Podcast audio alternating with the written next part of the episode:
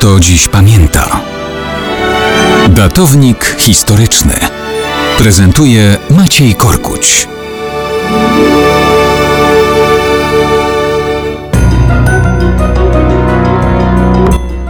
Mało kto dziś pamięta, że 26 października 1950 roku dwóch studentów czwartego roku Politechniki Gdańskiej wsiadło do samolotu PO-2.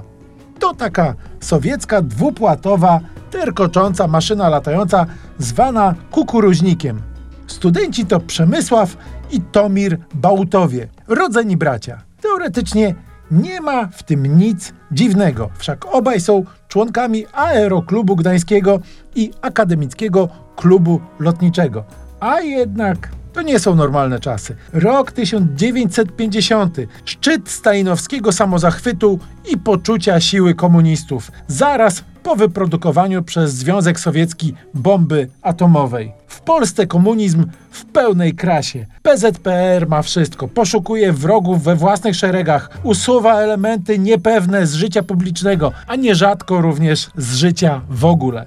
Ojciec chłopaków, Gustaw Baut, to człowiek zasłużony dla niepodległej Polski. Uczestnik walk o Lwów, żołnierz wojny przeciw bolszewikom w 20 roku. Potem urzędnik dyrekcji PKP w Bydgoszczy i w Krakowie. Żołnierz Armii Krajowej w czasie okupacji, a po wojnie działacz PSL prześladowany przez UB.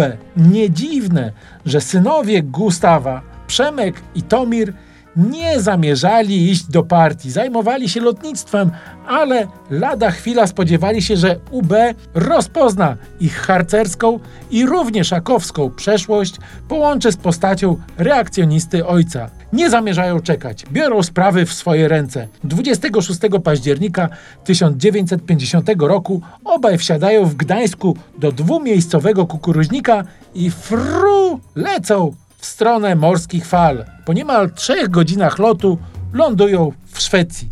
Ucieczka spod władzy stalinowskiego reżimu udana jest w 100%. Komuniści dostają szału, ale bracia Bałutowie są już poza ich zasięgiem.